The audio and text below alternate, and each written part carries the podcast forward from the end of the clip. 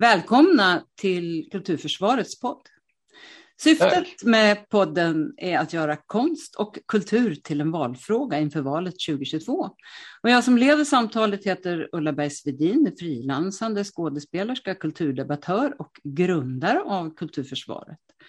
Dagens gäst är Pelle Wistén, amatörteaterledare, regissör och författare till nyutkomna boken När ljuset släcks, som vi ska tala mer om senare. Varmt välkommen Pelle! Tack ska du ha! Det är smickrande att få vara med. Vad roligt att du känner ja, verkligen. så. Ja, det gör jag.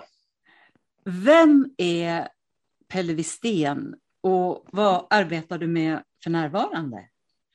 Ja, eh, kan man, det här kan ju vara en lång historia eftersom jag är 74 år gammal. Men ja. vi ska göra den väldigt kort. Eh, så får du fylla på om det är något mer du vill veta. Men jag är alltså 74 år, jag jobbar med kultur i ja, över 50 år kan jag säga. Så jag är kulturarbetare räknar jag mig som.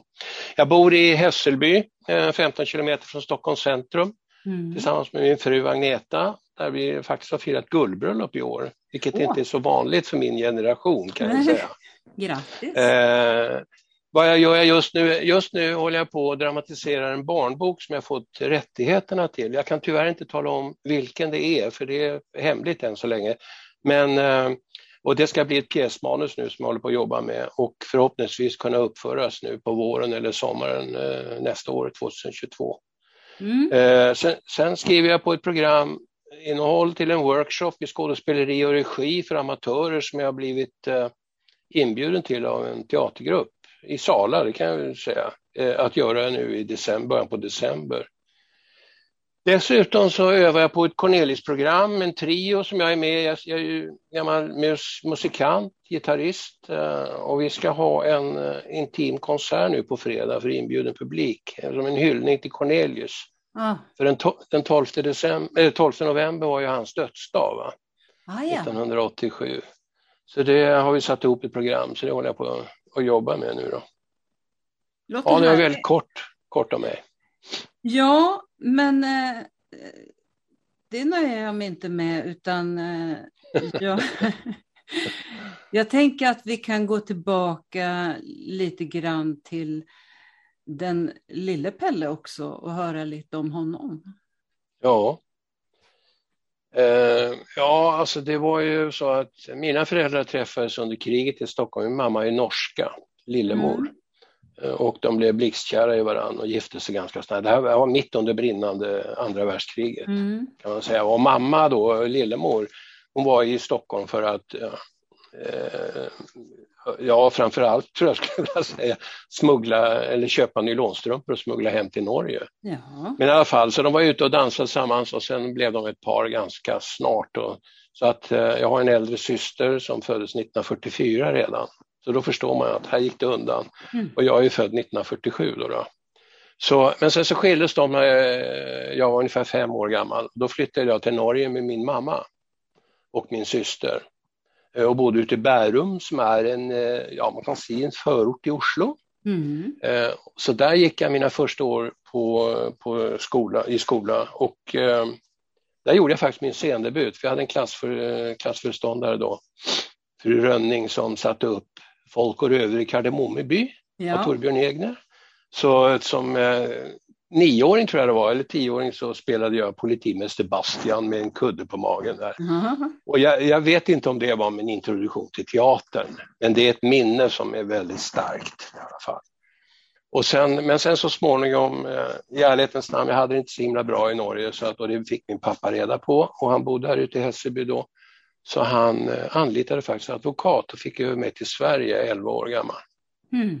Så var det. Eh, och då började jag i en svensk skola och talade ju norska i början. Men blir, man är ju väldigt läraktig som 11-åring så att det var ganska snart så kom jag till, eh, till börja tala svenska. Men min pappa, det har jag upptäckt nu innan jag, när jag skrev boken, att han var en av mina stora inspiratörer och betydde oerhört mycket för mitt kulturliv som vuxen och som tonåring.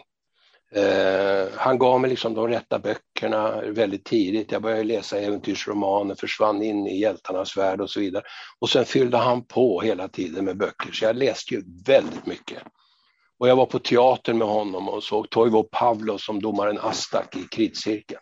Alltså mm. det var ju såna jättestora teaterupplevelser som jag som 15-åring, liksom, jag bara vacklade ut från teatern. Eh, så han har, han har ju, och vi satt i soffan hemma och tittade på där ryska sentimentala filmer i svartvitt och sådär. Så han, och han var ändå distriktschef på Svenska själv va, under, i, i, sitt liv. Så att vad han fick sitt enorma kulturintresse ifrån, det har jag faktiskt ingen aning om. Men han har betytt oerhört mycket för mig. Va? Ah. Och sen eh, dessutom då, för jag ska bara väldigt kort säga, min, min norska mamma Lillemor, hon var, hon var alltså i balletten när hon var ung på Bergens teater uppe i Bergen ah. och sen hamnade hon på Nationalteatern i Oslo, både som balettdansös och så småningom som eh, skådespelare. Så eh, ofta när jag var och besökte henne när jag var vuxen så hade jag alltid med mig dikter eller texter och så här och hon ville alltid att jag skulle läsa. Och då satt hon där i sin rottingfåtölj och blundade och sa ja, du må betona det ordet mer, mm. du ska ta en paus där och så. Så att mina föräldrar, alltså jag har ju haft den förmånen, har haft två föräldrar som, som verkligen har eh, bidragit till att jag är den jag är idag. Så är det. Ah. Mm. Och då, då var det ju så också på 60-talet att då, då, då eh, blomstrade kulturen i Stockholm. Jag var på Folkkulturcentrum i stort sett varenda dag. Jag var med på varenda workshop med eh, Augusto Boal och flera finska regissörer, Ralf Långbacka och Ritva Holmberg. Så, så att, eh, och jag gick workshops i clowneri och liksom allt möjligt så att jag, jag försvann in i teatern väldigt ung, det kan jag nog säga. Härligt. Och sen har det bara fortsatt. Mm. Ja. Mm.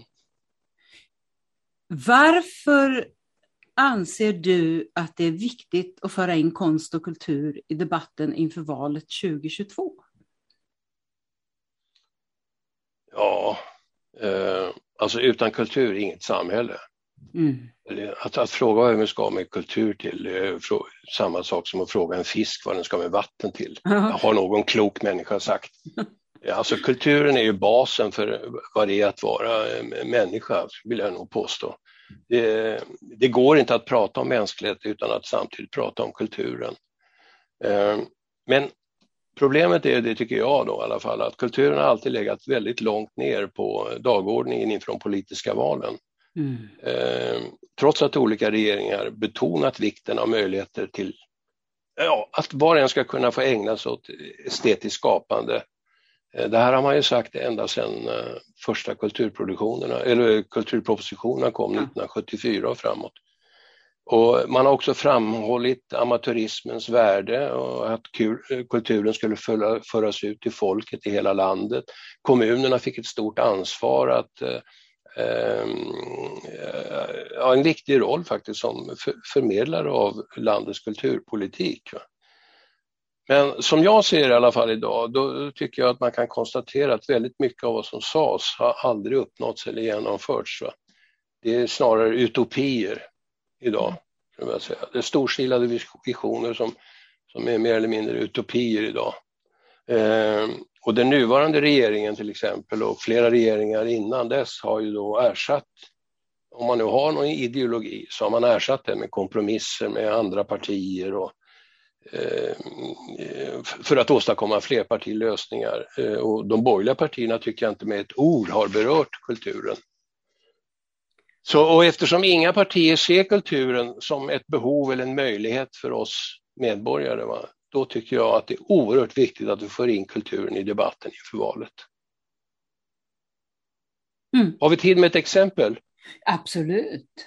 Ja, jag hade jag har ju inte bara jobbat som regissör, konstnärlig ledare, jag har ju också varit både projektledare och producent under de här 21 åren som jag drivit min enskilda firma. Och en gång hade jag ett uppdrag för en av Stockholms grannkommuner. Jag skulle alltså skriva en rapport med titeln Rum för kultur, mm. alltså stadens rum, lokaler att växa i. Och den skulle belysa det framtida behovet av offentliga lokaler eh, avsedda för ett både brett och ett fördjupat kulturliv i kommunen. Och jag skulle också undersöka och redovisa vilka önskemål som fanns bland de, bland de befintliga aktörerna för att starta nya verksamheter eller utveckla de som redan fanns. Det här var en otroligt svår rapport som jag skulle åstadkomma. Det byggde väldigt mycket på intervjuer runt om i kommunen. Men i samband med, det är rätt intressant, i samband med att jag presenterade den här rapporten från kulturnämnden i kommunen så kastade jag fram följande idé. Vad skulle hända om ni avlägsnade all offentlig utsmyckning? Ni stängde biografen, alla gallerier, biblioteket, museerna, föreningslokaler och teatern. Ni tog bort all på, alla pågående kulturaktiviteter för, för och med barn, unga och vuxna. Ni strök all estetisk verksamhet i kommunens skolor, tog bort möjligheten att söka kulturbidrag och avvecklade Kulturhuset för unga, för det fanns ett sånt ja. Hur skulle kommunens invånare må då? Ja, vilken bra jag. fråga. Ja, och då, först blev det alltså en jättelång paus. Va? Och man märkte att nästan hur de började titta på varandra. Men sen blev det en världens livligaste diskussion. Alltså, det, det, måste jag säga. Va? Så när jag gick ut därifrån så tänkte jag, jag hoppas i alla fall att det här har bidragit till att kanske de här politikerna läser min rapport.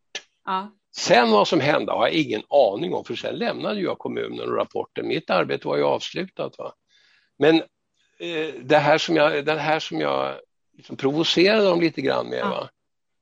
det märkte jag, wow, liksom, vilken debatt det blev där i kulturnämnden. Det måste jag säga. Så att det var ju, ja. var ju jättekul. Ja, och, och, då tänker jag också att då var det ändå kulturnämnden då. Tänk att ställa ja. den frågan i, på, på liksom eh, i, i nationell nivå? Ja, på nationell nivå, men, men också i en regionstyrelse eller en kommunstyrelse. Ja, visst. Och se vad man fick för svar då. Ja, det skulle vara jätteintressant. Och det, här, jag tror, det, det är sådana här, lite, kanske lite provocerande, ja. men ändå riktiga frågor tycker jag, eh, som man skulle kunna ställa inför valet. Verkligen. Till exempel. Verkligen. Vad säger du om det här då? Mycket bra. Ja.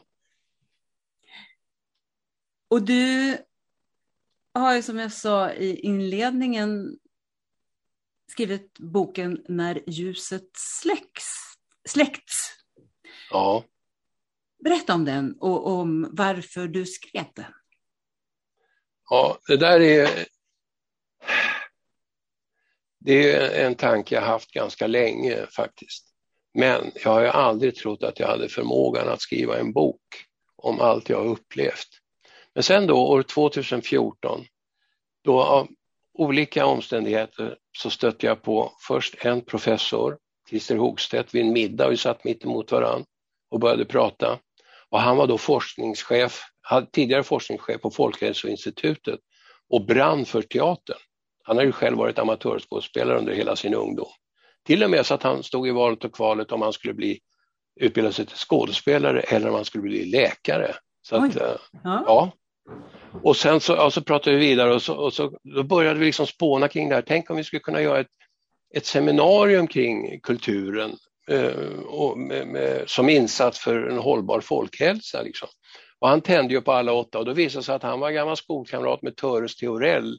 Och de hade, han är ju internationellt känd eh, professor och forskare. Eh, och, eh, och de hade jobbat... vad han är professor, professor också?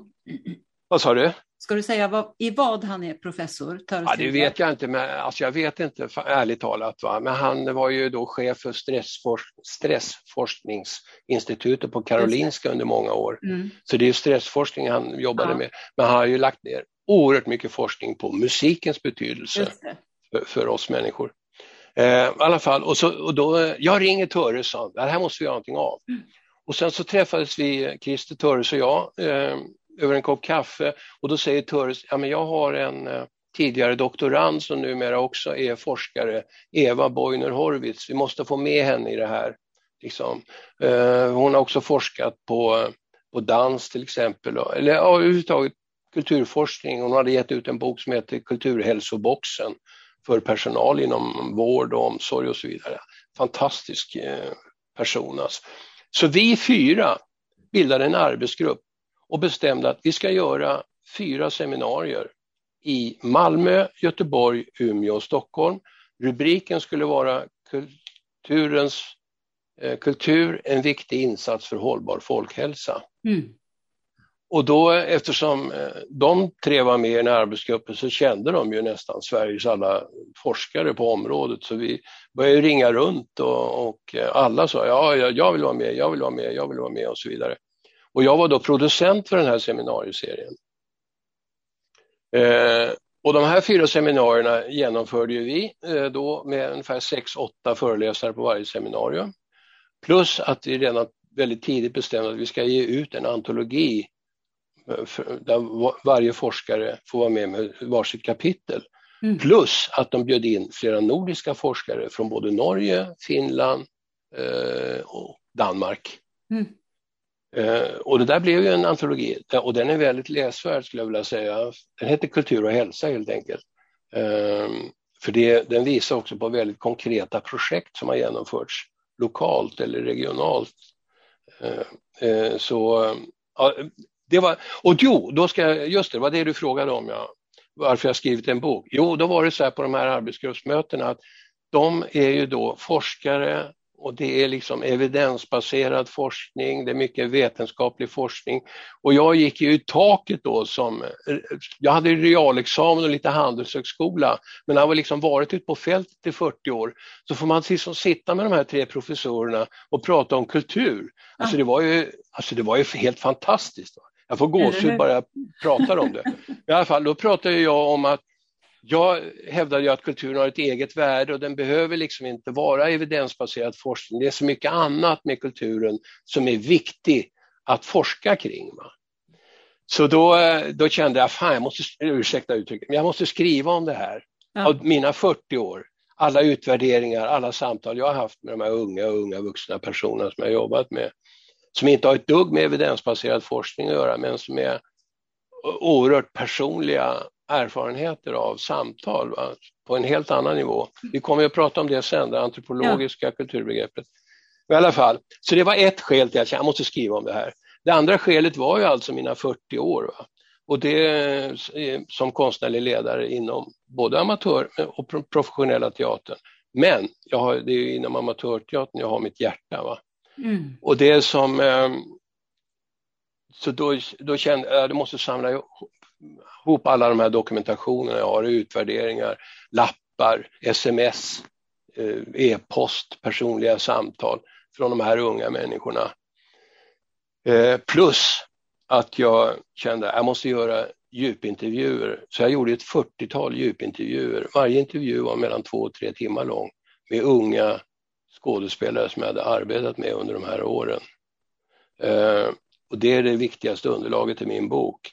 För jag vill ju skriva dels om hur det var att vara konstnärlig ledare och regissör inom amatörteatern, om hela den här komplexa, underbara processen eh, från kollationering till premiär, men kanske framför allt om allt som händer när ljuset släcks, alltså mellan repetitioner, mellan föreställningar och när ridån går ner efter sista föreställningen. Vad är det som var och en bär med sig efter den produktionen? Det var oerhört viktigt och det, det, det har ju fått ett ganska stort utrymme i min bok, naturligtvis. Så ja. man kan säga att det, det, är de två skälen. Och sen är det också ett tredje skäl och det är ju ordet amatör. Mm. Har vi tid? Du får, du får, ja, du får stoppa mig om jag, inte, om jag pratar för mycket.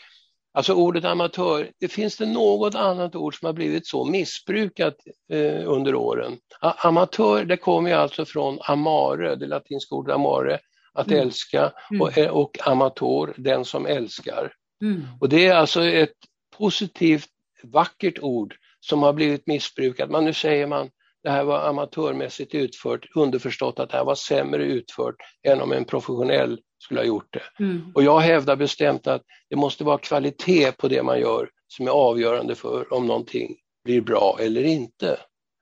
Eh, och det här tror jag är också det stora, inte stora, men det är ett problem inför valet. Jag tror att vi måste respektera varandra, vi yrkesverksamma eh, kulturarbetare, alltså skådespelare och regissörer, men också vi som jobbar inom amatörteatern eller det fria folkliga kulturlivet. Vi måste ha en ömsesidig respekt för varandra Alltså mm. där fri och frivilligheten hos amatörerna inte behöver stå i motsats till den som har, har det som yrke, utan snarare tvärtom. Just nu har man känslan att det är ett problem istället för att se det som en möjlighet. Vi måste gå ihop. Liksom. Vi måste, måste hitta, jag vet att du och jag pratade om det tidigare, vi måste mm. manifestera kulturen oavsett om vi har det som yrke eller om vi har det som ja, amatör eller ideell. Liksom. Det tror jag är oerhört viktigt. Så ordet amatör är ju eh, också ett skäl till att jag ville skriva den här boken. Jag ville lyfta det fina, det, ja, det vackra med det ordet. Kan man säga. Mm. Ja, och eh, jag har ju läst den här boken. Det är en mm. fantastiskt fin bok. Och man kan, man kan, ju då säga att den, den, skulle fungera utmärkt som en slags eh, lärobok för den som just har gett sig in i att leda amatörer och som en inblick för oinvigda i vad det innebär att leda och medverka i den här typen av verksamhet. Men det som drabbar mig, och det, det är säkert, beror ju säkert på att jag själv också som professionell har arbetat så mycket i samarbete med amatörer och tycker mm. det har varit så givande för mig, så att säga. Eh, men det är också alla de här citaten som du talade om nyss, eh, med, från sms och lappar som du har fått från deltagare om vad det har betytt för dem att vara med och att bli sedda av dig, av medspelare och andra inblandade och hur de har övervunnit rädslor och mindre värdeskänslor och återfått tron på sig själva och av känslan att ingå i ett sammanhang. Och det är den känslan som jag också skulle vilja att politiker kunde förstå vad det kan göra med människor på gott mm. i, i det, mm. detta fall och på ont i andra. Men har ni haft beslutsfattare i publiken och, och vad har ni i så fall fått för reaktioner från dem? Ja, alltså den vanliga reaktionen är, gud vad det här var bra, så här bra trodde jag inte att det skulle vara. Liksom. Att man också eh, inte har de här höga förväntningarna på det man ska få se. Mm. när man går och ser en amatörteaterföreställning och ändå så tar man ju mellan 200 och 300 kronor per biljett. Det är klart att vi vill ju ge publiken, ja helst mer än vad någon förväntar sig. Va? Men de där kommentarerna, jag har haft lite svårt att ta emot dem ärligt talat. Va? För det är klart att det måste finnas fler talanger och begåvningar i Sverige än de som kommer in på teaterhögskolorna. Och det är de vi försöker fånga upp tillsammans med alla andra som söker sig till amatörteatern. Mm. Så är det ju. Va? Så eh, eh, jag har haft lite svårt för de där kommentarerna, det måste jag erkänna. Eh, och, eh, det är, alltså jag ser ju amatörteatern som nyskapande. Alltså vi, vi går ju inte på trender eller regler utan försöker hitta, vi, vi experimenterar väldigt mycket, försöker hitta järva konstnärliga grepp. Liksom. Jag brukar ofta ha egna visitkort som jag stoppar in i föreställningarna mm. som kan se lite olika ut. Men, eh, men eh, ja, vad var det du frågade om Ulla? tappat det. Nej, men jag tänker just på det här ja, med, just det. Med, med, med, beslutsfattare, om de förstår. För jag, jag tänker också att alla som spelar amatörteater eller är med i körer för den delen som är en stor folkrörelse i Sverige, det är ju inte Alltså det, syftet för, för, alla de människorna är ju inte att bli professionella utan syftet är ju att delta och att ja. växa som människor ofta. Mm. Eh, mm. och det är det som blir så tydligt i din bok, att det är det det är det som sker. Att det är en ja. gemenskap, att det, är, att, att det skapar relationer mellan människor och det, det, det ger någonting det ger någonting som, som man liksom inte kan, inte, det är inte så lätt att förklara bara. Nej, ja men nu, jag, jag nämnde ju de här djupintervjuerna jag har gjort. Ja. Och när jag har ställt den här frågan, varför sökte du dig till amatörteatern? Då blir det ofta en väldigt, väldigt lång paus innan svaret kommer. Mm. För då dyker alla känslor, man dyker alla minnen, alla intryck, de liksom bubblar upp och visade att det var väldigt mycket man eh, bar med sig efteråt. Alltså svaren ville nästan inte ta slut. Mm. Det, det, det, man hade sökt till amatörteatern för att man kanske såg sig själv som en kreativ person, man var nyfiken på sin förmåga, man hade en väldigt stark lust att stå på scen, man mm. ville se att man vågade och man ville göra sig synlig för sig själv och andra. Man ville också möta en publik. Mm. Eh, men i intervjuerna som jag har gjort där dominerade faktiskt viljan att förbättra sina uttrycksmöjligheter i ett samspel med mm. andra i ensemblen. Ett samspel som byggde på ett engagemang och intresse som inte påverkades av yrkeslivets karriärvägar. Alltså teatern blev en frizon kan man säga va? och ett laboratorium för att utforska sig själv och allt detta. Va? Och vardagens alla krav eller eventuella intressekonflikter, de lämnar man utanför teaterrummet. Mm. Detta menar jag är en amatörteaterns stora styrkor mm. eftersom pers individens personliga utveckling till viktiga delar formas i ett samspel med ledare och de andra i ensemblen. Så vi som konstnärliga ledare vi har haft ett oerhört stort ansvar för att försöka medverka till att detta, eh, ja, att detta inträffar kan man väl säga. Jag har, eh, du vet det lika väl som jag att det är mest flickor, väldigt få pojkar som söker sig till teatern mm. av olika skäl. Eh, men jag har, fick några fina rader ifrån en av mina manliga skådespelare, han var 29 år gammal och han skrev så här till mig. Jag har under större delen av mitt liv varit obekväm i rollen som mig själv. Jag har ofta velat vara på en annan plats i en annan kropp, i ett annat tillstånd. Scenen har varit ett vattenhål för mig. Där kan jag fly mig själv. Ja. ja du märker, jag blir rörd när jag... Ja, men det, det blir jag också, för att det är precis, precis, precis det där som man kan erbjuda. Ett ställe det här är ju, det här är ju som... lov att vara sig själv. Ja, det här, det här, när, när jag läste det här för första gången, det blev som någon har slagit till mig med en slägga i bröstet. Liksom. Då förstår man ju liksom hur stort det här är. Va? Ja. Och då, då, då, då funderade jag också över att det måste ju finnas något speciellt i amatörteatern som står i kontrast till de andra kreativa sammanhangen. Och det är just den här kollektiva processen med, med deltagare med olika brokiga bakgrunder, och, och, då om jag försöker slå ihop unga och unga vuxna med olika bakgrunder och förutsättningar i en kollektiv process, i en kreativ miljö. Vad är det då som händer i det här lilla rummet? Där det skapas tillit, det skapas mycket empati och det finns mycket kreativitet och positiv inställning till goda idéer. Om vi samlar människor i olika åldrar i det lilla, lilla rummet, vad är det då vi gör? Vad är det då vi håller på med? Förutom att skapa en föreställning.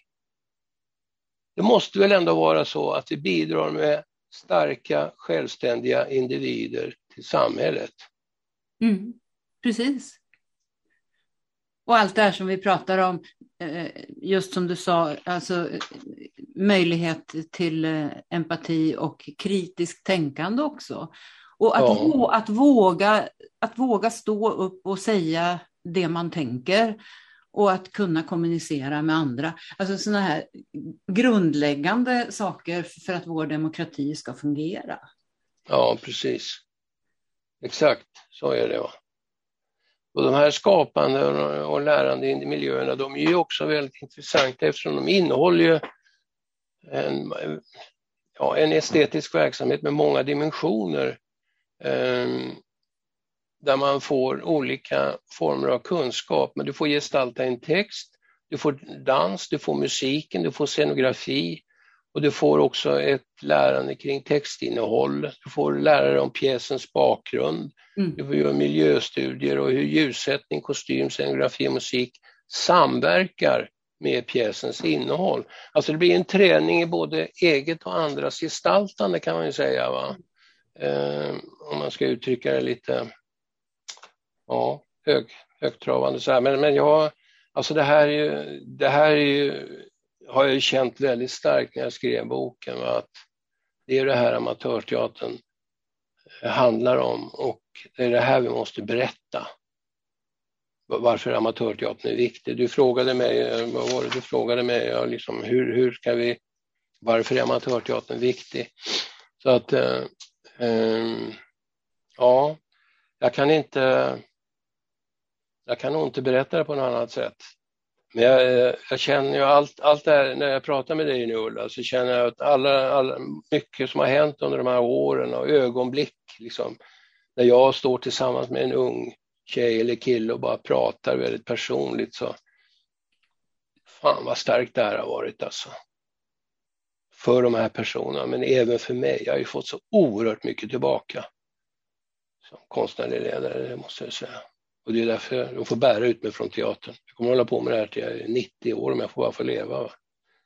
Ja, och det är, ja. väl, det är väl det också som, som är utmärkande för, för amatörteatern också, att det drivs av eh, eldsjälar som du. Ja, passion, kärlek och lust, alltså det är väl de, de tre. Mm. Det är en passion det här, det är det ju. Ja. Mm. Jag skulle kunna prata i flera timmar om det, skulle inte räcka med en liten podd där. Men du, eh, det här ligger ju väldigt nära varandra. Folkbildningen ligger ju dig varmt om hjärtat. Eh, ja.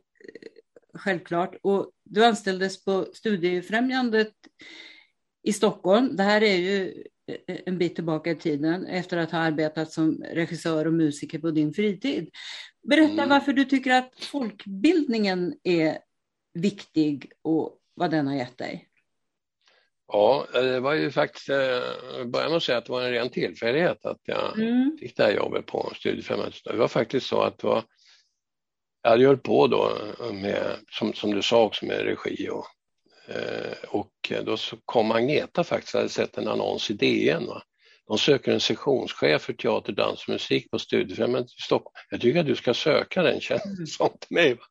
Och så gjorde jag det och så blev jag kallad till intervju och det var ju eh, en helt fantastisk intervju för där satt alla de andra sektionscheferna liksom för ja, konst, och, konst och språk och allt vad det var, med mm. natur och miljö och så vidare och ställde en massa frågor. Men det var en, en tjej där, då, Eva Kvist, hon var som chef för konstruktion, och sa är du frisk? frågade mig. Va? Och det där glömmer jag ju aldrig, så jag blev ju lite full i skratt. Men det var också ett förlösande för den där intervjun, för då kunde vi prata ganska mycket. Men i alla fall, sen när jag gick hem därifrån så kände jag att det här jobbet vill jag ha. Så jag ringde upp Eva Kvist och sa, jag vill bara säga till dig att det var en fantastisk intervju och jag vill väldigt gärna ha det här jobbet. Och så fick jag det då. Ah. Och då fick jag ju också ett arbete liksom, där jag kunde försörja mig va, som administratör men också som projektledare. Då. Mm. Eh, och eh, ja, det var ju de där tio åren på Studiefrämjandet och eh, liksom att komma in i folkbildningen med allt från LNK, när du har glömt allt vad du lärt dig så är det bildningen som finns kvar, liksom, eller vad mm. hur hon uttryckte det. Va? Mm. Dessutom kom jag upptäcka, det var någon som sa folkbildningen är Sveriges morgongåva till EU. Ja. Alltså det var någonting vi skulle vara oerhört rädda om. Va? Eh, och det har jag ju känt att eh, folkbildningen har varit oerhört betydelsefull liksom för, för eh, hela amatörkulturen i Sverige, inte bara teatern. Va? Mm. Eh, vi, jag hade ju nästan 60 olika teatergrupper i Stockholm. De flesta amatörgrupperna men också flera professionella grupper som vi kunde hjälpa. Mm eh, genom att vi fick både statliga och kommunala bidrag. Jag drev projekt tillsammans med några av de här grupperna också, sökte pengar liksom. på, så att det där var fantastiska tio år. Och folkbildningen var ju, eh, kände jag mer och mer att jag har aldrig kallat mig för folkbildare, men jag blev väldigt fascinerad och eh, drabbad av det här med att eh, det, frivilligheten, att lära utifrån lust och behov och så vidare. Eh, det roliga med det här var ju det att eh, eh under 90-talet då, jag jobbade ju på Studiefrämjandet mellan år 1990 och år 2000, det var då jag mm. startade eget företag. Då eh, gungade det ganska intensivt i Stockholm. Mm. Det var, eh, utan att bli politisk nu då, så må, får jag ändå säga att det var borgarna som tog över mm. eh, i Stockholms kommun. Och vad som hände då var ju dels att man tog bort nolltaxan för alla, alla gemensamma lokaler i stan, vilket var förödande för de elva studieförbunden som hade utnyttjade de lokalerna då. Det var ett hårt slag. Mm. Eh, dessutom så drog man, vill man dra ner anslagen till studieförbunden och folkbildningen eh, radikalt alltså, mm. väldigt mycket pengar. Och då skrev jag ett upprört brev till Stockholms politiker det måste vara kloka människor som eh, bestämmer eller som fattar kloka beslut för kloka människor. Något sånt var rubriken. Mm. Och det där skickade jag till dåvarande kulturborgarrådet, inga namn. Mm. Men det var en ganska ung tjej som var kulturborgarråd och hon hade både kulturen och äldreomsorgen va, på sitt bord. Och så uppvaktade jag henne med det här brevet och alla argument, all statistik och allting, alltså, så svarade hon bara, det kan jag inte ställa i utsikt. Mm. Och jag hade aldrig hört det, svenska formuleringen. Liksom. Jag förstod faktiskt inte vad hon sa nästan. Vad betyder det? Det kan jag inte ställa i utsikt. Och det svarar hon på, oavsett vad jag presenterade för argument eller statistik så svarar hon så. Så jag bara vacklade ut därifrån och tänkte, vad var det här för möte? Eh, och sen då så uppvaktade jag kulturnämndens ordförande som var en ännu yngre tjej än hon som satt som borgarråd. Och hon sa bara, vi ska inte stödja hobbyverksamhet för vuxna.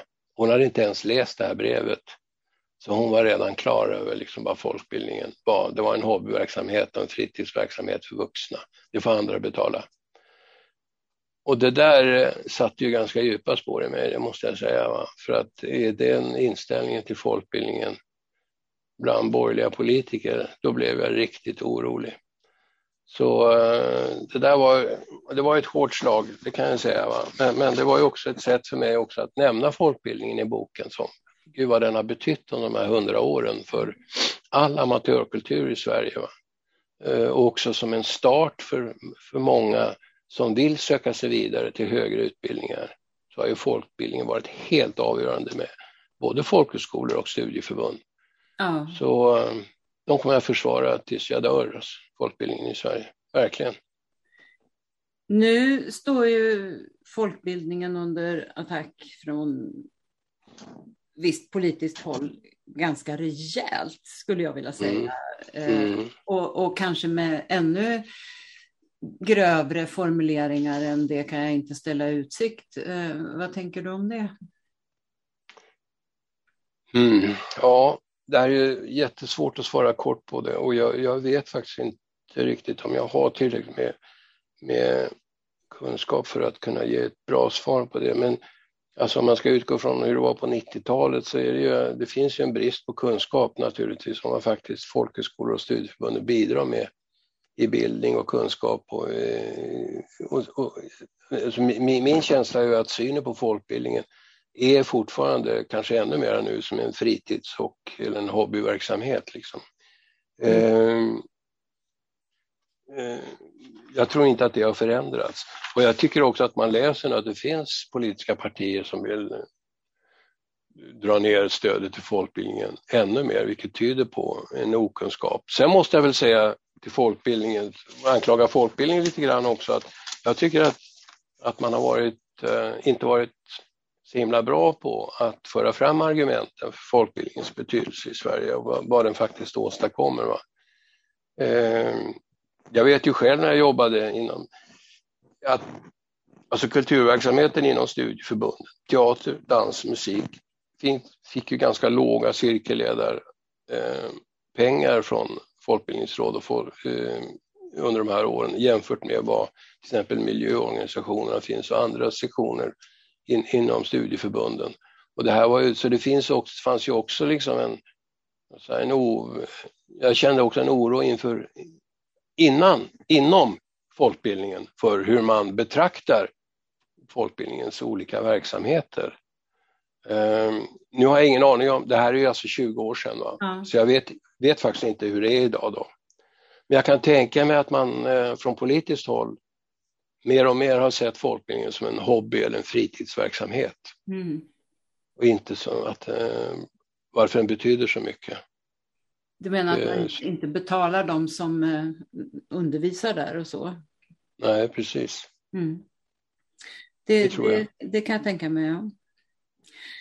Eh, jag, kan, jag, kan säga, jag kan bara säga så här Ulla, att det som jag har läst mig till lite grann, det är ju också att tidigare, förr, jag kan inte säga hur långt tillbaka, men säg då sedan 30, 30 år tillbaka då, mm. så fanns det också en samsyn mellan både konservativa politiker och kulturradikala politiker om att marknadskrafterna inte kunde få härja helt fritt på kulturområdet mm. utan det krävdes ett statligt stöd mm. för kulturen i Sverige. Mm. Och det är det som har försvunnit, anser jag personligen i alla fall. Ja. En, eh, jag vill gå tillbaka lite till, eh, till boken. Mm. Jag brukar alltid tala om konst och kultur eftersom jag menar att det är två olika saker, båda lika viktiga och båda behöver en politik. Och i din bok så skriver du om det estetiska kulturbegreppet, det som jag menar med konst och det antropologiska som jag menar med kultur. Kan du utveckla det? Ja, eh,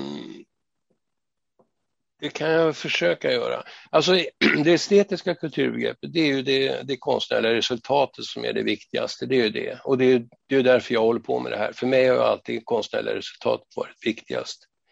Um, och det är ju det som definierar kultur som konst. Och liksom de sköna konsterna har man ju pratat om sedan 1700-talet. Va? Det vill säga musik, litteratur, teater, dans, skulptur och arkitektur. Mm. Det är de klassiska eh, sköna konsterna sedan eh, hundratals år tillbaka. Men, och då, då anser man, ansåg man ju också, och det gör man ju fortfarande, att det är mänskliga handlingar som gav upplevelser av skönhet och betraktar som varje människas främsta uttryck. Liksom sådär. Så har man formulerat det. Va? Men numera så innehåller ju även det estetiska kulturbegreppet många fler konstformer än vad det gjorde för 250 år sedan. Mm. Film är kanske det som är mest uppenbara exemplet som man även innefattar där. Men nu har ju graffiti, digitala spel, eh, performance, estradpoesi, miljökonst, installation. Det är också så olika former av konst. Mm. Jag kommer ihåg när en konsertpianist eh, spelade ett vackert klassiskt stycke på en flygel på Moderna Museet och sen när han spelat klart så såg han sönder flygeln med en mm. motorsåg. Va? Du kommer ihåg det? Det är ganska, ganska känt. Det är oerhört upprörande ja, känslor. Va? Ja. Och det där har jag, hade jag naturligtvis lite svårt för. Jag tycker att konsten, är, för mig måste den vara vacker eller måste beröra mig på olika sätt. Det där var ju väldigt provocerande kunde jag tycka, men det var bara ett litet exempel. Eh, men också det här med estetiska kulturbegrepp. Jag tänker på eh, Loris Malaguzzi som ligger bakom Reggio Emilia, det här med mm. barn och dess hundra språk och så vidare. Eh, att den också är viktig i det estetiska kulturbegreppet. Men sen har vi då det antropologiska kulturbegreppet som handlar om det sociala sammanhanget och mm. också livsprocesserna. Det är de som är viktiga där. Eh, som jag nämnde för dig, vad är det man bär med sig efter en produktion? eh, teaterproduktion. Det handlar om relationer, attityder och normer och värderingar och så vidare. Och det här är ju då tvärvetenskapliga begrepp. Va?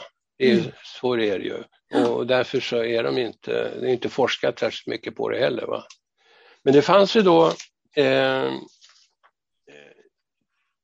det finns en, en stor samling som heter Exempelsamling som Folkhälsoinstitutet gav ut i början på 2000-talet som är en helt fantastisk eh, dokument. Den är ganska tjock kan jag säga. Men där, bland annat där så står det om en brittisk granskning som gjordes av 90 olika kulturprojekt. Va?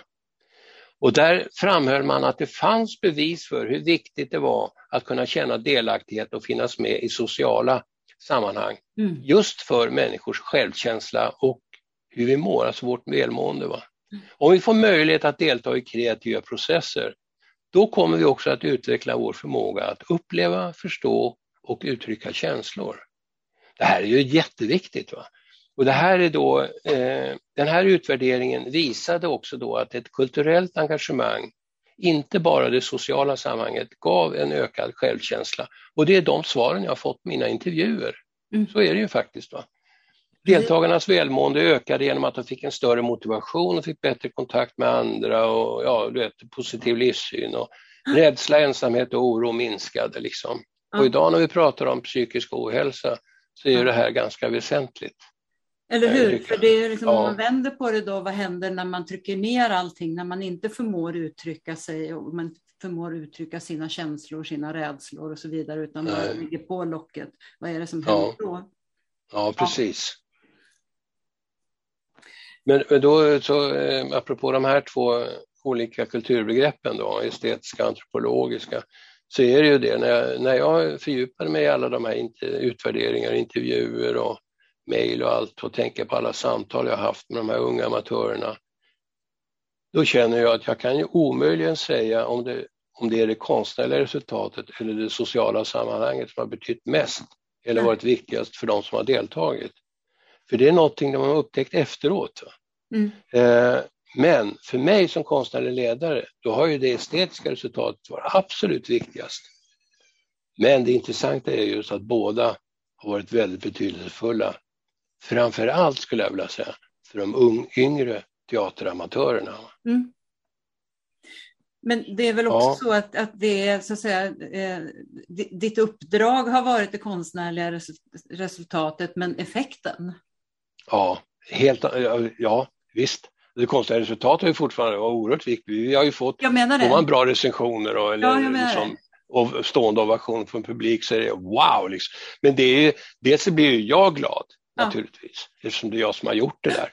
Men jag, jag, känner ju också, liksom, det är då tårarna kommer. Ja. Man säger det här ja, har ni förtjänat, liksom, som står där uppe tar emot det här. Ja. Och så kommer, eh. kommer effekterna. Och effekterna hade nog inte kommit om inte det konstnärliga resultatet hade blivit bra. Så det, det, är väl liksom eh, så att båda krävs. Men det är väl lite grann som det här med kulturens egenvärde. Vi är alla överens om att kulturen har ett egenvärde men de här goda effekterna, de, de, de kommer ju på köpet, så att ja. säga. Men det är ingen som vill betala för dem. Nej, och då är det precis, det är bra att du säger det för att det var någon eh, som är mycket klokare än vad jag jag har ju sagt att kulturen ska inte bära sig, den ska bära oss.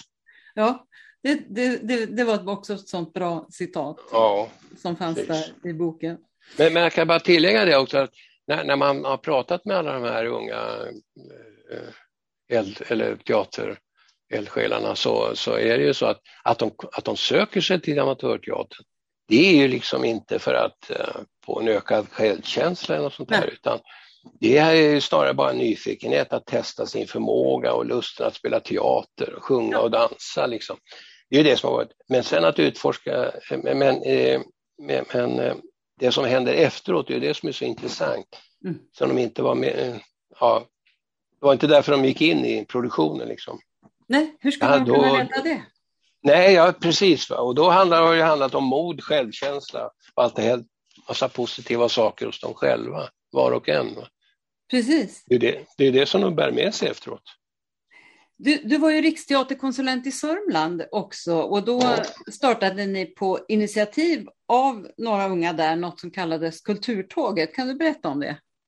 Ja, det kan jag göra. Det där var ju ett jätteprojekt. Va? Men jag kan säga väldigt kort så här att eh, eftersom jag hade jobbat som projektledare så var det någon som, som hade tipsat eller sagt till Mälardalens högskola, liksom, ring Pelle Wistén där. Då hade de en art management-utbildning där. Mm. Alltså de utbildade man säga, kulturledare eller kultur, ja, kulturproducent. Mm. Och då eh, blev jag inbjuden att komma dit och ha en hel dag med den klassen kring projektledning av kulturprojekt.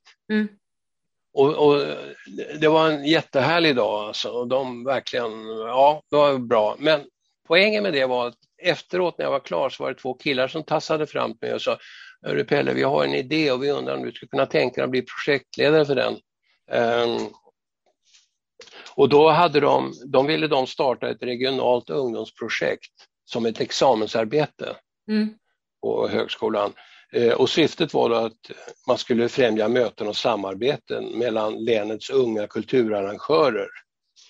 Uh, och det var inte särskilt svårt att tacka ja till eftersom jag var anställd av Riksteatern som arrangörskonsulent.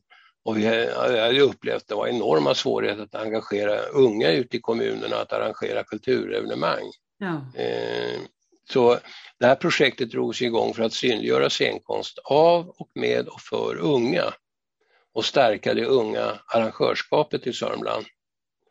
För det fanns en väldigt stark vilja att göra någonting tillsammans, liksom att mötas och, och det här eh, hos unga. Va? Och det, blev, det här kulturtåget, det var dels uppbyggt i tre delprojekt under två år. Va? Det första var att vi gör ett, eh, vad ska man säga, ett, ett prov, eh, en provturné. Så då fick det var en ny cirkusföreställning från Riksteatern, från Jam som var den här unga mm. progressiva på Riksteatern. Så vi fick den och då fick unga då i varje kommun, de här nio kommunerna, arrangera föreställningen med unusual elements. Liksom. Så det var en häftig start och parallellt med det så fick de liksom kurser och liksom hur, hur driver man ett arrangemang. Liksom. Det fick de ju av, av mig och oss. Då, då. Och sen eh, efter det, då, när det var klart, så eh, satte vi oss ner och planerade en turnéläggning av Kulturtåget som var ju en ganska stor. Vi hade ju liksom eh, bussen ifrån, vad hette de nu då? Eh, ja, skitsamma. Men i alla fall, vi hade en jättestor eh, buss buss som man kunde fälla och så blev det en scen. Eh, och de åkte runt och då hade vi artister ifrån Riksteaterns Jam och vi hade lokala förmågor inte minst. Så eh, det var ju liksom allt från eh, mannekänguppvisningar, fotoutställningar, sk sk heter det, skrotskulptur, allting. Liksom, såg olika ut i varje kommun. Ah. Och, och, eh, och det här kulturtåget åkte runt då eh, till de här nio kommunerna. Och det här blev så uppmärksammat så att jag sökte och fick ju pengar, alltså liksom både från eh, lokala teaterföreningar, kommunerna, eh, landstinget, Allmänna arvsfonden och som medarrangör kan man säga att det var de tre R också, Riksteatern, Rikskonserter och Riksutställningar. Så det var ett ganska stort projekt. Då, då. Eh, och det där pågick under två år. Va? Så att, eh, vilka var ja. det som höll i, varje, i varje kommun då, liksom samlade ihop vilka det var som ville uppträda och så? Jo, i varje kommun så, så fanns det en arbetsgrupp då av mellan 6 och 15 unga ah. som vi liksom tidigare hade arrangerat. Ni, ni ansvarar för ert lokala arrangemang. Ah. Så, så, att de fanns där. Ah. Och då var det till och med så att eh, det var totalt 110 ungdomar som medverkade. Och väldigt många av dem ville åka med runt och hjälpa till på alla festivaler. Ja, ja, ja. Så det var liksom, det var verkligen en stor happening det här kan man säga. Men det, det föll väldigt väl ut och mycket tidningsskriverier om det här, att det var något nytt på gång i Sörmland och så vidare. Så att, ja. Och sen då när det, här, när det här var slut, vad, vad hände då, då? Då gjorde man en, en, fin redovisning och så var alla väldigt nöjda och glada. Men sen fortsatte det inte. Nej. Nej. Och så, så är det, tyvärr är det så med väldigt mycket projekt. Ja, för, för, det är det där som jag känner varje gång man hör talas om sådana här saker och jag har ju själv medverkat i den typen av projekt också. Och det, det, det känns liksom så, så tråkigt därför att eh, på något sätt så, så, är det som att man tänker att tror de verkligen de som ger anslag till sånt här och som liksom startar sådana här, nu går det att söka pengar till ditten och datten, att jaha, då ska nästa generation unga på något sätt vara glada och nöjda med att de som var före fick göra det här och, och också bete sig så som dina, ja. dina som du har intervjuat nu. Vad, vad, vad, är det, vad, är det, vad är det för fel? Varför blir det så här? Jag, jag tänker varför lär man sig ingenting? Varför gör man inte, permanentar man inte Alltså inte för att man ska göra exakt likadant, men varför permanentar man inte tänkesättet om du förstår vad jag menar? Ja, jag förstår vad du menar. Och det, det, var, alltså, det fanns ju då åtta arrangörsföreningar, riksteaterföreningar, men alltså mm. alltså vuxna arrangörsföreningar mm. i, runt om. Och dels så skulle ju det stora jobbet ligga på dem, att försöka mm. behålla de här ungdomarna som en inte att få dem att ingå i respektive styrelse, va? men däremot att de var en arbetsgrupp i varje förening. Mm. Problemet som de upplevde då, som vi pratade jättemycket om, så, ja, men hör Pelle, de är, de är så otroligt flyktiga. Va? Alltså det visade sig att kanske fem stycken försvann till Linköping och började plugga på universitetet. Andra träffade någon pojkvän och flyttade till Stockholm. Alltså vad, vad man, vad, man, vad som var väldigt svårt det var att fylla på ja. med nya. För det kräver en väldigt stor insats. Va? Eh, och det, jag tror att det var ett av skälen till att, att det här inte fortsatte. Va? Men jag tycker också projekt, det säger bara namnet, det är tidsbestämt. Det börjar här och så slutar det där. Och sen har man inte en plan, alltså en konkret Nej. plan för hur ska det fortsätta när vi är klara. Men sen är det väl också så här att när vi ska jobba med barn och unga så är det väl lite grann som när man köper kläder till sina barn. Man begriper ju att de växer ur dem. Ja, de växer ju. Va? Ja. Och, och, och, ska man jobba med barn och unga och, och hitta på metoder, då måste man ju förstå att de kommer ju att växa och precis som du säger försvinna till andra aktiviteter eller växa upp och, och, och ja. Mm. de, de, och då måste, man ju, då måste man ju ha en plan för hur man utbildar nya. Man måste ju skaffa sig en metod som man använder på nya kommande generationer. Det, det, det kan, det kan inte finnas någon annan, något annat sätt att hålla saker vid liv. Jag Nej, det, det där vi misslyckas hela tiden, för vi tror ja. liksom att nu har vi gjort det här jättefint. Mm. Eh, det, jag, jag, jag vet inte riktigt varför vi inte begriper det. Nej, och det för mig, för mig till nästa projekt, nämligen det som hette Akta huvudet, eh, som ni gjorde då 2007 till 2010. Mm. Och som handlade om att förändra synen på våld bland unga och det är ju otroligt aktuellt. Eh, ja. Och pågick då 2007 till 2010 som jag sa. Eh, berätta. Ja, det här är ju som sagt var det 14 år sedan eller vad nu är. Eh, men i alla fall så var det, alltså Akta huvudets syfte var ju att problematisera våld. Mm. Alltså både ur förövaren, offret och vittnets perspektiv. Vi ville beröra och vi ville ruska om. Så eh, vi, och att jag blev inkopplad där, det, det berodde på att jag satt i en styrelse på Studiefrämjandet i Sundbyberg. Jag hade ju slutat då på Studiefrämjandet i Stockholm, så då hade jag drev jag mitt företag. Men jag satt som styrelseledamot i Sundbyberg. Och då så bland annat en kollega i styrelsen där då, han Anders, han, hans son Erik eh, ville tillsammans med två kompisar göra en film om våld och gå ut i skolorna med den filmen och ha en workshop med elever kring våld mm. våldets skador och effekter. Eh, och samtidigt med, och då hade, då hade då Anders son Erik frågat om, om Anders visste någon som kunde jobba som projektledare för det här och då frågade Anders mig. Så det var ju så jag blev inblandad i hela Akta huvudet kan man säga. Det var starten på det. Mm. Parallellt med de här tre killarna, och de, eh, de ville ha hjälp med att skriva en ansökan till Allmänna arvsfonden helt enkelt. Mm. Eh, och, eh, och då började vi, då skrev vi den och sen så, och jag var känd, jag hade fått pengar från arvsfonden tidigare så, så de visste vem jag var utan att förhäva mig på något, något sätt. Då. Så de kände igen mitt namn på ansökan i alla fall. Och då visade det sig att det var flera andra parallellt som hade skickat in ansökan. Bland annat Hjärnskadeförbundet Hjärnkraft vill göra en bok om vad som händer om du får en hjärnskada som orsakas mm. av yttre våld eller olycka eller något sånt. Eh, och dessutom var det Karolinska institutets, eh, eh, vad säger man, de som publicerar litteratur, de ville också ge ut en handledning liksom, eller skriva om vad som händer i huvudet mm. slag. Och då så blev jag uppringd faktiskt av Arvsfonden och sa Pelle, finns det någon chans att vi kunna göra ett gemensamt projekt? För det kommer inte, även om vi vill kan vi inte ge pengar till alla tre. Mm. Och då samlade vi de här tre som hade skickat in, eller det var fyra. Mm. Uh, och så satte vi oss ner och sa okej, okay, vi, vi, vi försöker hitta ett gemensamt projekt. Och namnet Akta huvudet dök upp ganska tidigt. Va? Det var ganska naturligt. Det var någon som sa det, men det där är ett kanonbra namn på det här projektet. Mm. Så då hade vi flera möten med Aronsson. Vi skulle vilja göra så här, vi skulle vilja göra den här filmen mm. först så att den blir klar. Kan vi få pengar till det?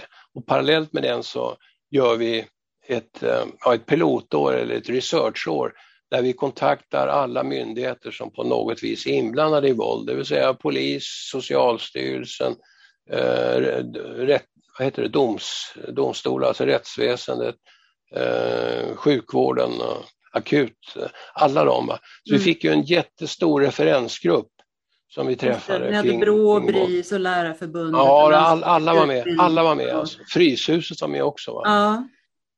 Så det var ju, alltså det bara, det bara växte det här projektet, men vi lyckades på något konstigt sätt hålla ihop det ändå. Då.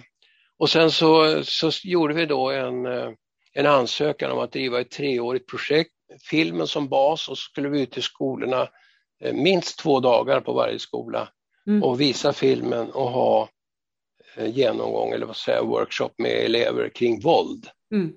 Och då hade vi också bjudit in till exempel en akutläkare från SÖS liksom, som kom och mm. berättade, det här händer om du sparkar någon i huvudet.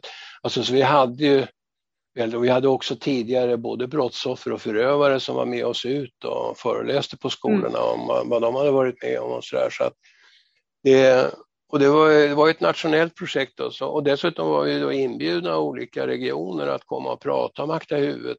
Liksom, det här är på gång, liksom. passa på att beställa sådär. Så att eh, vi fick ju dessutom av tv-programmet Efterlyst fick vi ett stipendium på 100 000. Mm. Eh, bara sådär va. Så eh, det där var ju eh, det var ett jätteprojekt. Alltså sen, sen när, man kan säga så här, när allt var sjösatt då, samtalsledarna var utbildade och gick ut i skolor med filmen och pratade över hela landet skulle jag vilja säga. Mm. Då klev jag av det där för då var mitt jobb klart liksom, mm. som projektledare. Mm. Så då var det andra som tog över. Så jag var väl där, jag var med i två år kan jag säga då. Och hade ju jättebra folk runt omkring mig och flera ungdomar som jag jobbade nära med. Så det var ju inte, det var inte jag bara som drev det här projektet, vi var ju ett stort gäng. Och sen hade vi liksom otroligt nära samarbete med alla de som du nämnde, Brå BRIS, mm. polis, domstolar. Och, ja. men, men, det, men det är då jag också ställer mig frågan, när man gör ett sånt här projekt så måste, så måste man ju inse att just de här unga som man då jobbar med eh, naturligtvis växer upp. Och det kan ju mm. inte fungera på de som kommer efter. Nej. Och, och, och, då har man ändå gjort ett jättearbete och lagt ner massor med pengar och engagemang. Och sen då är det ett projekt som är gjort och instoppat mm. och liksom avbockat. Och det, det, här är ju, tycker jag, det här är, är, ju något som man, för det första ska det inte vara projektmedel som någon ska söka och engagera sig i, utan det här ska ju liksom ske. Och det, var ju, det var ju vår både ambition, vi hade ju en plan för hur ska det här projektet leva vidare efter att pengarna är slut. Det här var ett av Arvsfondens största projekt va, efter ja. tsunamin. Va. Så att vi fick jag kommer inte ihåg, men det var åtskilliga miljoner varje år fick vi från dem. Så de ja. var ensamma till, eh, som bidragsgivare till Ja, det precis. Projektet. Och det, det är ju fullständigt absurt att, att det ska vara på det sättet, att det ska hänga på att man, att man liksom kan få pengar via Arvsfonden. Ja, nej precis. Och vi, vi, pratar mycket om det med, med kommunerna och skolorna. Eh, och, eh, sa, och det som vi upptäckte efteråt, lång tid efteråt, var att det här kanske också är det förebyggande arbete som man eh, efterlyser nu också, eller som många pratar om nu. Det ja, måste satsa mycket mer. skulle det väl vara? Men, men, men skjutningarna kan man inte göra. Det här var ju, orsaken till att Akta huvud startade, det tror jag mycket var på, på grund av den här dödsmisshandeln på Kungsholmen av den här 16-åriga pojken. Eh, den utlyste, utlöste väldigt mycket liksom. Eh, Nyår. Jag vet, ja. Var det va? Ja, det var det tror jag. Men, men jag menar det här är ju eh, det, här, det här är ju det är, det är så märkligt att man inte förstår, och just som ni gjorde då en film också, att, att det går att använda det går att använda sig av konsten och kulturen eh, på det sättet. Mm. Det, är ju, det är ju ett väldigt, eh, det är väldigt användbart. Eh, och det är ju också precis då det vi har pratat om nu i, i en timme ungefär, det här med att, att kunna delta i verksamhet där man, där man analyserar, diskuterar och gestaltar. Mm. Eh, så Just. att man får den här förmågan. Det, det, är så väldigt märkligt tycker jag. Du, du nämnde ju förut också att du har samarbetat med, med bland andra Töres Theorell och andra forskare, men Töres Theorell ställde ju också en väsentlig fråga Nämligen vad är det politiker behöver för kunskap med inriktning på barn och unga? Och han, han gav ju även ett förslag om att inrätta grupper av forskare och kulturverksamma med flera med uppdrag att komma med förslag till lösningar. Och det, det här är någonting som jag verkligen har efterfrågat länge. Berätta om, om det samarbetet, om förslaget. Mm.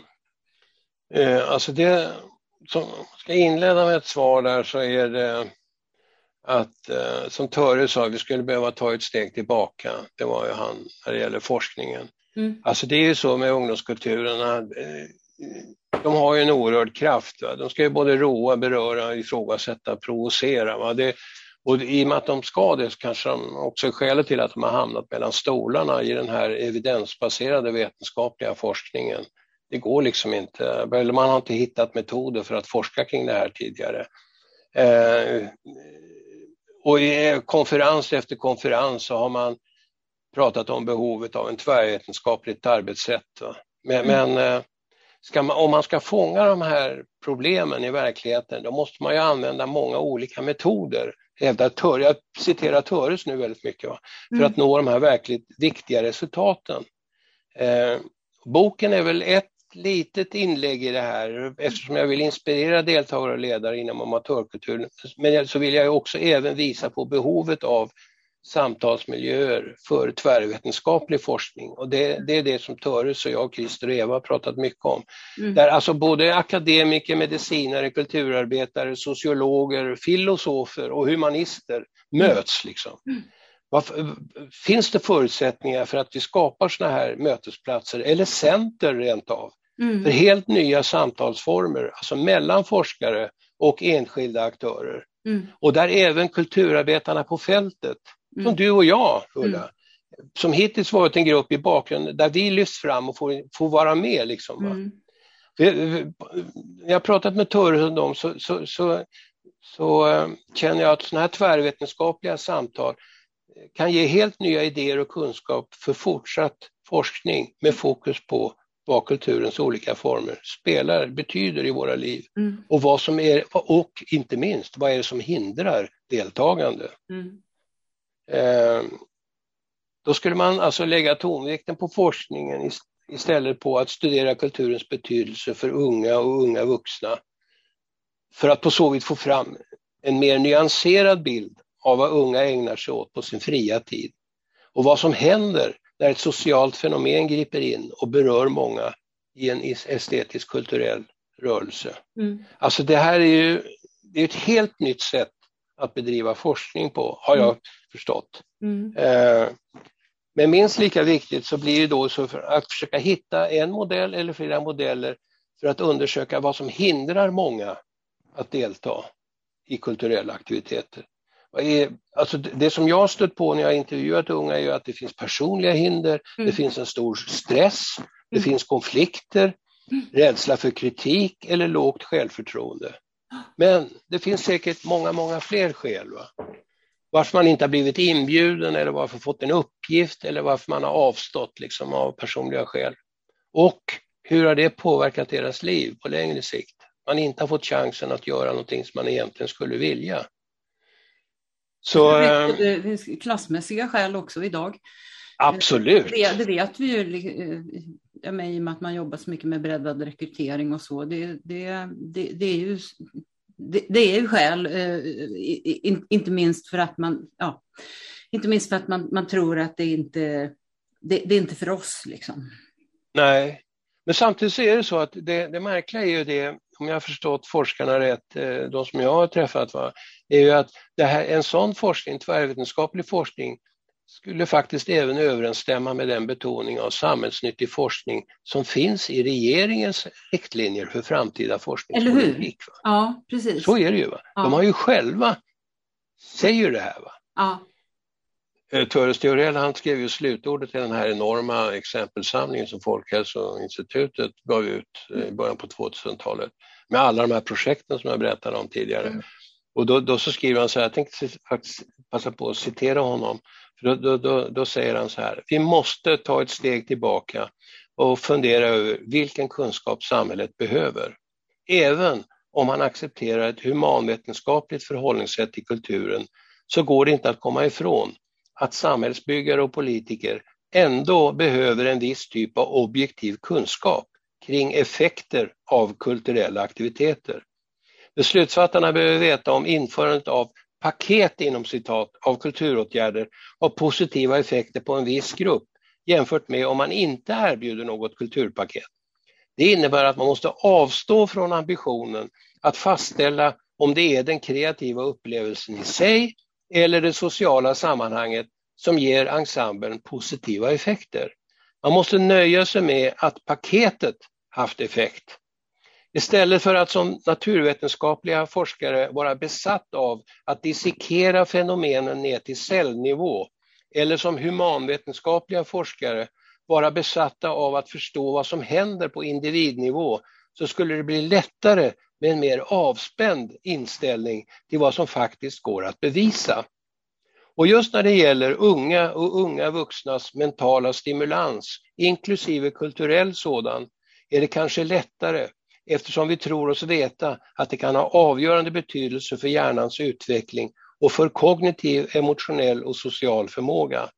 Det är därför mycket angeläget att forskning kring kulturella aktiviteters betydelse bland unga görs med uppföljning under lång tid. Mm. Så, nu, nu, nu läste jag till precis vad Törres har sagt. Och jag tycker att det här är verkligen eh, det som man ska ha som text liksom, när man pratar om framtida forskningspolitik. Jo, det, det, är så här vi måste göra. Mm. Och just, just det här med uppföljning under lång tid också och inte, in, in, inte projekt, pang bom, slut Nej, och, vara... och arkivera. Nej, precis. Eller hamna på någon uh, dammig forskningshylla i något bibliotek någonstans. Precis. Nej. Eh, Pelle, jag har en avslutande ja. fråga till dig. På vilket sätt och av vilka anser du att konst och kulturpolitiken bör debatteras inför valet 2022? Så att det som står i alla kulturplaner blir tydligt att konst och kultur är viktigt för såväl samhälle som medborgare. Ja, nu, nu, nu vill inte jag bara svamla och komma, svamla iväg, men, men Alltså jag, det blir väldigt personligt det här nu Ulla. Jag tycker att politikerna har missat kulturens roll totalt. Säga. Kulturpolitiken har nått botten genom ett bristande engagemang från statens sida. Ja, till exempel, nuvarande kulturministern har ju både idrott och kultur på sitt bord. Två jätteområden. Vad händer då med det personliga engagemanget? Har man verkligen, klarar man verkligen av att ha ett personligt engagemang för kultur när man har två sådana jätteområden på sitt eget skrivbord? Jag tycker också att, att regeringen, både nu kanske också tidigare, har ersatt sin ideologi då, man, eh, som man haft tidigare, vill jag nog påstå ändå, med att man har ägnar ägnat sig åt inställsamma flerpartilösningar. Alltså de borgerliga eh, partierna har ju inte heller med ett ord berört kulturen. Det är allvarligt tycker jag att det är inga partier som pratar om kultur eller ser kulturen som ett behov och en möjlighet. Va?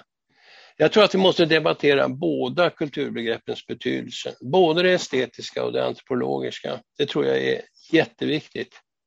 Alltså vi måste prata om både det konstnärliga resultatet och det sociala sammanhanget. Nu pratar jag utifrån den ideella kulturen, den folkliga kulturen, och amatörkulturen naturligtvis. Ehm, och det, alltså att det handlar väldigt mycket om socialt kapital, eh, relationer, attityder, normer och så vidare, och samarbete och värderingar. Men alltså, båda viljer på samma grund, lusten att skapa och berätta om det man har skapat. Men, men skillnaden är mellan yrkeskulturen och amatörerna är att amatörerna, som jag nämnt tidigare, kanske väljer fritt och frivilligt vad och hur och när han eller hon vill skapa, medan den professionella skapar för sitt levebröd. Det är, det är naturligtvis en jätteviktig skillnad. Och amatören gör det här på sin fria tid och proffset ägnar sin arbetstid. Va? Men vi måste, som jag sagt tidigare, också skapa förståelse mellan de båda sätt att arbeta kreativt va? och se det som en möjlighet som berikar hela vårt kulturliv och inte ett problem. Va? Det är upp till var och en av oss liksom att välja sin väg och bli respekterad för det val man har gjort. Och då är det ju det här med, som jag återkommer till hela tiden, att vi måste skapa mötesplats för tvärvetenskaplig forskning med fokus på barn och ungdomskultur. Där alla möts liksom, i helt nya samtalsformer och så vidare. Så ja. Det är väl... Det, det, är det svar jag kan ge, alltså, Ulla. Jag kan inte ge något annat svar. Det, det är väl en väldigt bra ett, ett bra medskick eh, till, eh, till att debattera inför valet. Mm. Tycker jag. Bra. Ja, det tycker jag också. Ja. Vi måste prata om båda, båda kulturbegreppen, va? för de är ja. lika viktiga. Ja, tycker jag. absolut. Stort tack Pelle för att du vill Oj! medverka. Är det slut nu? Kära någon. Jag som precis börjar komma igång. men, äh, men det här var ju fantastiskt trevligt Ulla. Jag har ingen aning om vad jag har sagt. Som du förstår. Så är det ju när man någon frågar om någonting. Vad sa du då? Ja, jag har ingen aning. Liksom. Det är flera kommer att fråga mig efteråt. Hur gick det? Jag vet inte. Liksom så, va? Men det har varit väldigt trevligt att få prata om det här. Det har det varit. Ja, det tycker jag också. Och mm, det fina är att du kommer att kunna lyssna sen så att då får du veta vad du har sagt. Ja, det blir väldigt spännande. Tack snälla. Tack själv. Och, eh, tack för att ni lyssnade. Den som vill veta mer om Kulturförsvaret om kommande poddar kan gå in på kulturförsvaret.se. Poddarna hittar ni på sidan och där poddar finns. Och om ni vill gå med i vår Facebookgrupp så är det bara att gå in och ansöka om medlemskap. Gruppen är öppen för alla som är intresserade av konst och kultur och tycker att det är viktigt att konst och kultur och fri press och media diskuteras på samma villkor som andra politikområden inför valet. Tack och på återhörande.